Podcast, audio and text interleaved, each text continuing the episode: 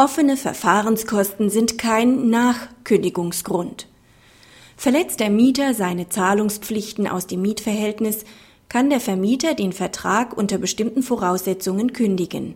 Die Nichtzahlung von Verfahrenskosten aus dem über die Schonfristzahlungsregelung erledigten Räumungsprozess reicht dafür freilich nicht aus.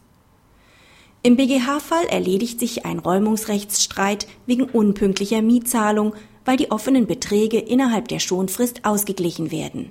Das Gericht legt dem Mieter die Verfahrenskosten auf. Als er diese nicht ausgleicht, kündigt der Vermieter erneut und beruft sich darauf, dass infolge der ausgebliebenen Zahlung die Mieterpflichten aus dem Mietverhältnis verletzt worden seien. Der BGH sieht im Verfahrenskostenrückstand keinen Kündigungsgrund, weder fristlos noch fristgemäß. Es ergibt sich, wenn man dies annehmen wollte, nämlich ein Wertungswiderspruch. Ein Verzug mit der Zahlung der Miete liegt nicht vor, denn der Mieter schuldet nicht ausstehende Mieten, sondern Verfahrenskosten, resultierend aus einem vorherigen Prozess der Parteien. Zwar liegt in der Nichtzahlung ein Verstoß gegen mietvertragliche Pflichten, dennoch muss der geschützte Mieter die Wohnung nicht räumen und herausgeben.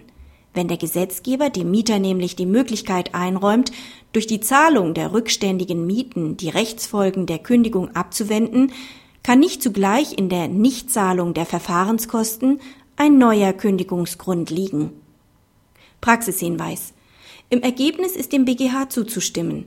Es stellt sich aber die Frage, ob die Nichtzahlung der Verfahrenskosten tatsächlich eine Verletzung der Pflichten aus dem Mietvertrag darstellt – der Mieter erfüllt nämlich in diesem Fall lediglich seine Pflichten aus einem ihm gegenüber titulierten Anspruch nicht.